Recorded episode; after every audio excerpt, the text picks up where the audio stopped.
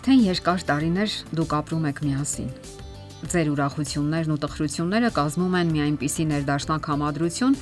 որ կես խոսքից արդեն հասկանում եք միմյանց։ Այս վիճակը պետք է լինի ամուսնական բնականon հարաբերություններում, որpիսի հաճախ կարիք էլ չլինի դիմելու բարերի օգնությանը, չէ՞ որ ամեն ինչ այնքան པարզ է։ Սակայն ավելի հաճախ ամեն ինչ այնքան էլ པարզ չէ։ Պատճառն այն է, որ ամուսինները տարիների ընթացքում ոչ թե ընտելանում են միմյանց, այլ նույնիսկ հեռանում են, մտածելով, թե ամեն ինչ հրաշալի է։ Սակայն ամուսիններն իրականում կարիք ունեն հասկանալու միմյանց, նույնիսկ դեմքի արտահայտությունից։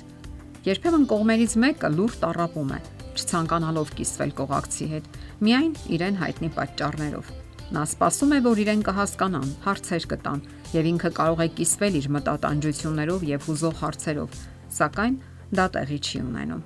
Իսկ ինչպես կարելի է օգնել մարդուն այդ ժամանակ։ Ինչպես կարելի է հասկանալ, որ մեր դիմացինը լուրջ տարապում է եւ մեր օգնության կարիքն ունի։ Չէ՞ որ շատ մարդիկ նաեւ ծածկամիտ են եւ այնքան դժվարությամբ են կիսվում նույնիսկ հարազատ անznավորության հետ եւ գերադասում են լուրջ տարապել։ Եվ այնուամենայնիվ ամուսինները պարտավոր են հասկանալ միմյանց։ Միանգամայն բնական է, որ մարդը ձգտում է ամեն ինչ անել ճիշտ եւ նույնիսկ կատարյալ։ Սակայն դա երբեմն հասնում է ծայրահեղության, եւ մարդը անընդհատ քննադատում է իրեն, մտածելով, որ ինքը լավ մայր չէ, լավ ամուսին չէ,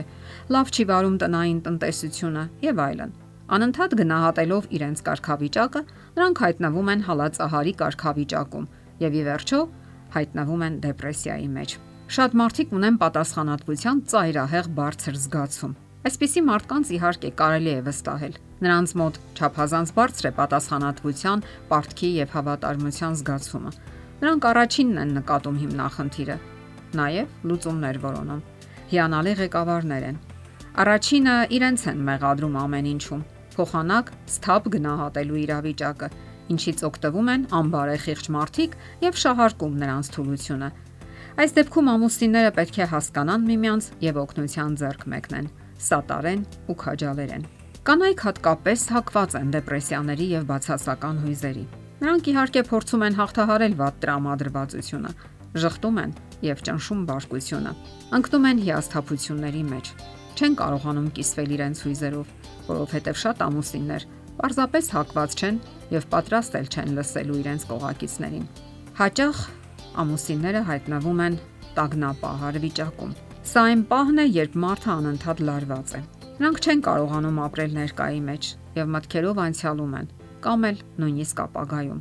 Տագնապում են, որ կարող է ինչ որ անվերահսկելի բան տեղի ունենալ։ Ընդ որում, շրջապատի մարդիկ հիմնականում չեն կարողանում թափանցել նրանց մտքերի մեջ։ Այսպիսի մարդիկ հաճախ են ֆիզիկական հիմնախնդիրներ ունենում, ինչի պատճառը նյարդային հուզական խնդիրներն են։ Իսկ այդ վիճակից դուրս գալու համար ոչ հազվադեպ օգտագործում են հանգստացնող դեղամիջոցներ կամ նույնիսկ դիմում են ալկոհոլային խմիչքների։ Ահա թե ինչու ալկոհոլային կախվածությունների հիմքում ոչ թե սերն է ալկոհոլի հանդեպ, այլ շատ ավելի խոր դրդապատճառներ կան։ Տղամարդկանց ավելի շատ բնորոշ է հաջողության պահանջը։ Նրանք ձգտում են հասնել հաջողությունների եւ հասնելու դեպքում գոհ ու բավարարված են կյանքից։ Իսկ ահա անհաջողությունների կամ իրենց նպատակներին չհասնելու դեպքում մեծ հիասթափություն են ապրում։ Նրանք մտածում են, որ իրենց արժեքը որոշվում է ունեցած հաջողություններով, գումարային ձեռքբերումներով, դիրքով եւ այլն։ Իսկ մշտական երանդուն գործունեության եւ հաջողության հասնելու վազվզոցի տակ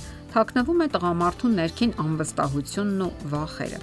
Այստեղ արդեն կանայք ունեն որոշակի անելիքներ, որpիսի բարձրացնեն տղամարդու վստահությունն ու հավատը սեփական ուժերի հանդեպ եւ օգնեն, որ նա կայանա որպես անձ։ Նկատենք, որ հաջողության հասնելու ձգտումը դրված է բոլորի մեջ, եւ դա միանգամայն բնականon է։ Պարզապես երբեմն դա վերածվում է ծայրահեղության եւ հիվանդագին մոլության։